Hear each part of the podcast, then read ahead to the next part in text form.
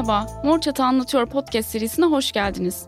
Bu seride erkek şiddetinin kadınlar üstündeki etkisini, kadınları şiddet ilişkisinde tutan nedenleri ve kadınların şiddetten uzaklaşma mücadelelerini ele alıyoruz.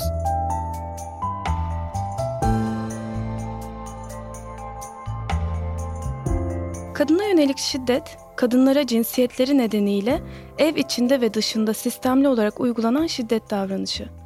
Kadınlara şiddet uygulayan kişilerse çoğunlukla en yakınları olan erkekler.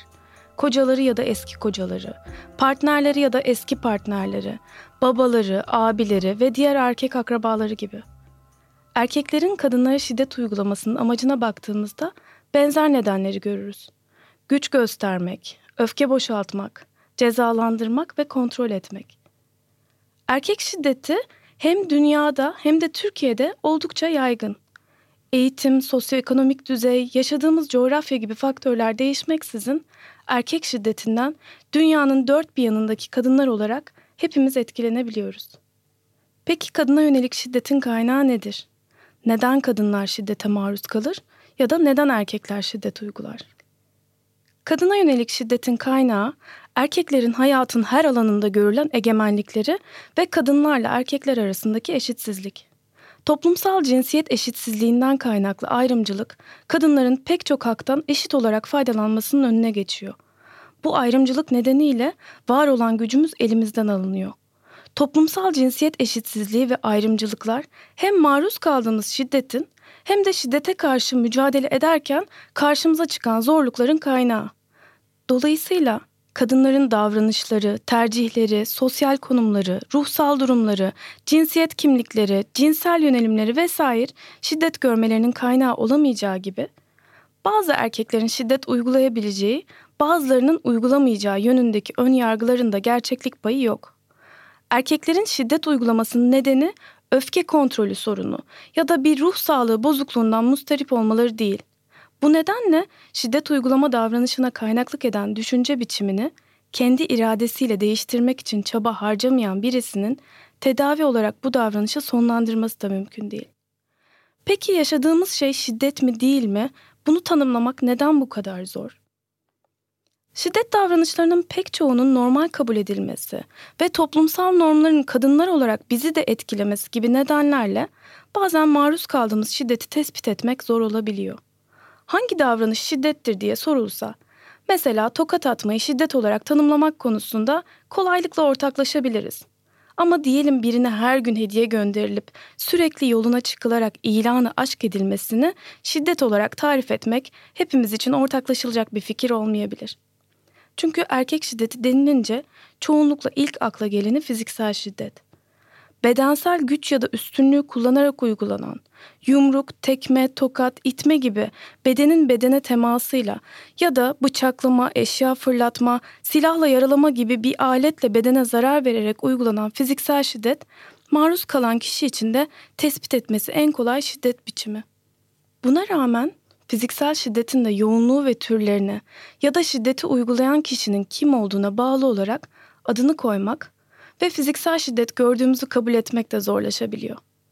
Partneri tarafından boğazı sıkılan bir kadın partnerinin kendisine amma abarttın, gören de seni tekme tokat dövdüm sanır diyerek aslında fiziksel şiddet uygulamadığının altını çizdiğini anlatmıştı. Buna benzer pek çok örnek deneyimlenebiliyor. Bunun yanı sıra bazı şiddet biçimlerini tespit etmek diğerlerinden daha zor. Mesela bir diğer şiddet biçimi olan cinsel şiddet. Çok yaygın olduğu halde birçok kadın için dile getirmesi en zor şiddet biçimi. Taciz ve tecavüz gibi biçimleri daha bilinir olmakla birlikte aslında onayımız dışında herhangi bir cinsel davranışa maruz kalmamız cinsel şiddet. Örneğin İstemediğimiz halde kocamızın ya da partnerimizin cinsel ilişkiye ya da belli bir cinsel pozisyona hatta dokunmaya zorlaması, bunun için duygusal olarak manipülasyon yapması, bizi iknaya çalışması çoğu zaman böyle tanımlanmasa da cinsel şiddet.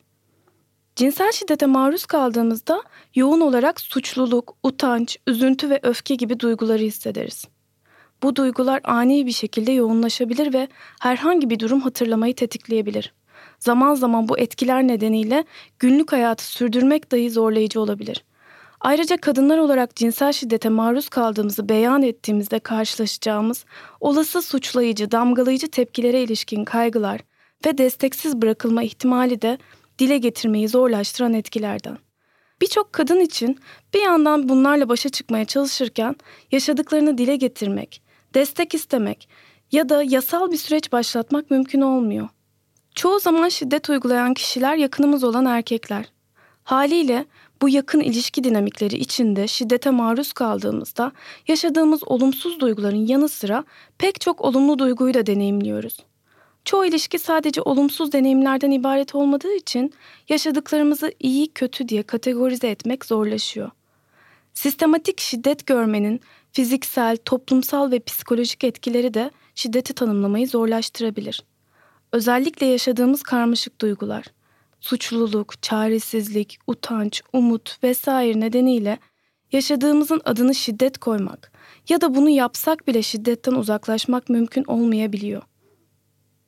Manipülasyon, yalnızlaştırma ve destek mekanizmalarından uzak düşürme, duygusal ihtiyaçları keyfi bir şekilde karşılama ya da karşılamama, hakaret ve aşağılama gibi biçimleriyle en sık maruz kaldığımız şiddet türü olan psikolojik şiddet, desteksiz kalmamız ve psikolojik şiddet içeren davranışların da sıklıkla normal davranışlar olarak benimsenmesi gibi nedenlerle uzun süre anlaşılmayabiliyor. Hatta psikolojik şiddet gören kadınların ilişkide sorun yaratanın kendileri olduğu yönünde yoğun bir inanç taşıdıkları ve uzun süre kendi davranışlarını değiştirerek, psikolojik destek alarak, kendilerini değiştirmeye çalışarak şiddeti sonlandırmak için çaba harcadığı bir gerçek. Mor çatıya başvuran kadınların deneyimlerinden biliyoruz ki birçok kadın ilişkinin değil, şiddetin bitmesini istiyor.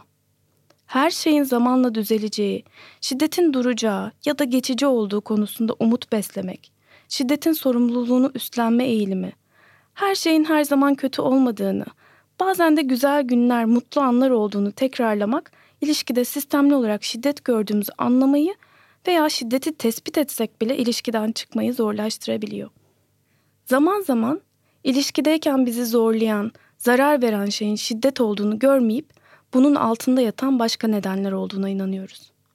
Kendi irademizle değişim yaratma fikri gerçekçi geldiği için bu konuda çaba harcamak daha anlamlı gelebiliyor.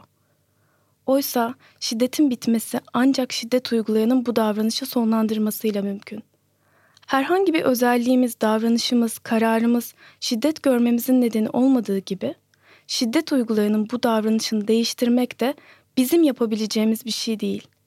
Bunların yanı sıra şiddetin psikolojik etkilerinin bir sonucu olarak şiddet uygulayanın bakış açısını benimseyebilme, yaşadıklarımızı dışsallaştırıp kendi gerçekliğimizden koparak kendimizi şiddet uygulayanın gözünden görme ve şiddeti bu yolla normalleştirmek de mümkün.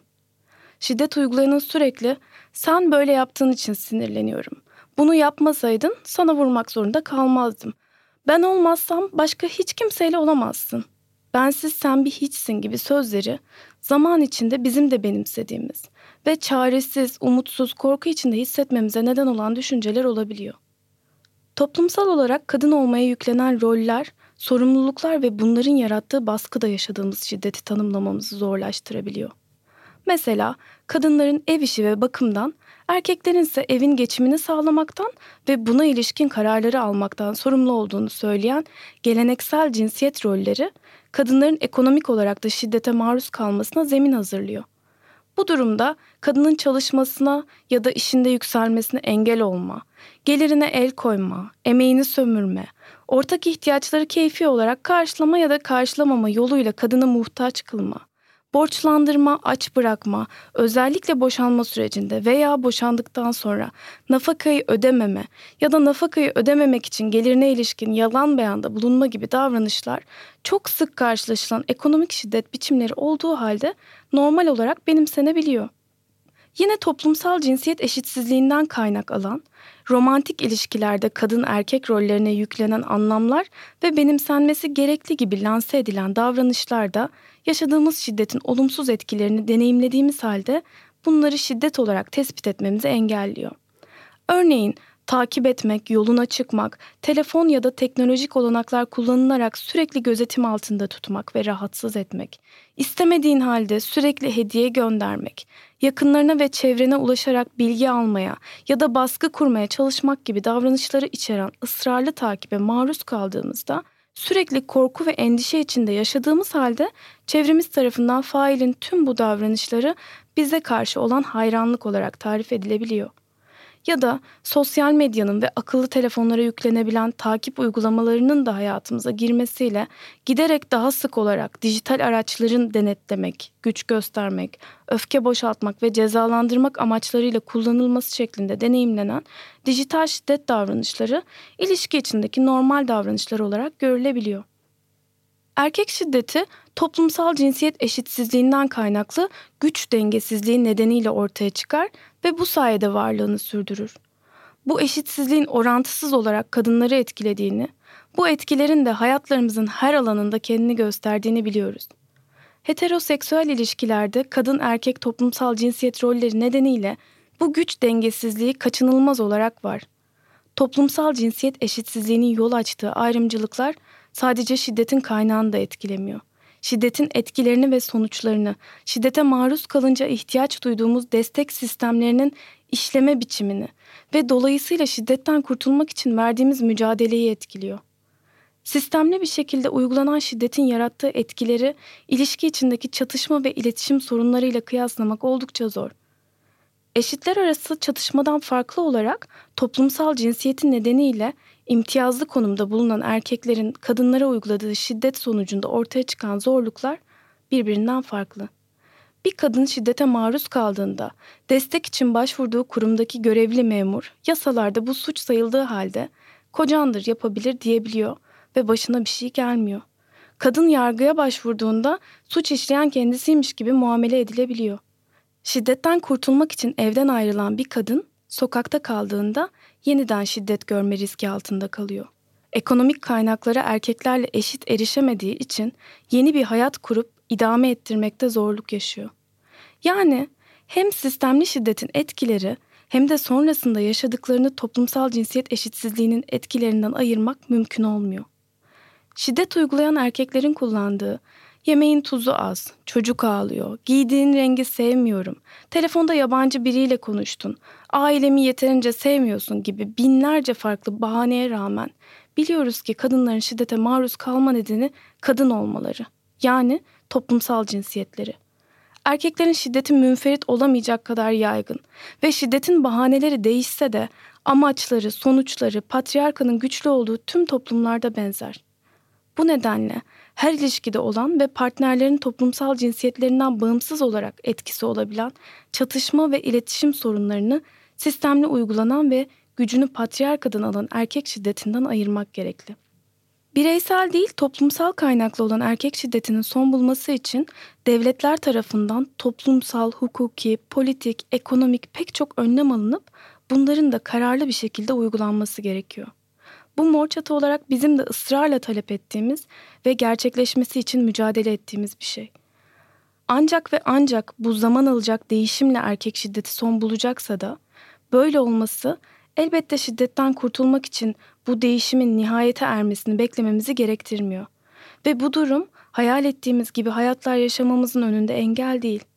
Yaşadığımız şiddetin etkilerinin farkına varmak, şiddet uygulayanın ve cinsiyetçi toplumsal yargıların ötesine geçip kendi ihtiyaçlarımızı görmek ve bunlara ulaşmak için bireysel çabalarımız, kurduğumuz dayanışma ağları ve kurumlarının imkanlarından yararlanarak yaşadığımız şiddetin etkilerinin farkına varmak, şiddet uygulayanın ve cinsiyetçi toplumsal yargıların ötesine geçip kendi ihtiyaçlarımızı görmek ve bunlara ulaşmak için bireysel çabalarımız, kurduğumuz dayanışma ağları ve kurumların imkanlarından yararlanmakla şiddetten kurtulabiliriz.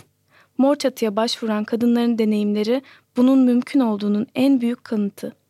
Kendi sosyal ağınız içinde şiddete maruz kalan kadınlarla kuracağınız dayanışma, yargılamadan yaşadıklarını anlamaya çalışmanız, yararlanabileceği kaynaklara işaret etmeniz ve ne olursa olsun dayanışmanızı sürdüreceğinizi söylemeniz, maruz kaldıkları şiddete karşı onları güçlendirecek ve şiddetsiz bir hayat için adım atmaları konusunda cesaret verici olacak. Ayrıca tek tek kadınlar olarak maruz kaldığımız şiddete karşı verdiğimiz mücadele, kendi hayatlarımız ve özgürlüğümüz için attığımız adımlar da bu uzak gibi görünen değişimin, toplumsal cinsiyet eşitliğinin gerçek olmasında düşündüğümüzden çok daha büyük bir etkide bulunuyor. Birbirimizin deneyimlerinden öğreniyoruz ve atılacak daha büyük adımların hangileri olması gerektiğine ilişkin bilgiyi de bu mücadeleyi veren kadınlar olarak bizler ortaya koyuyoruz.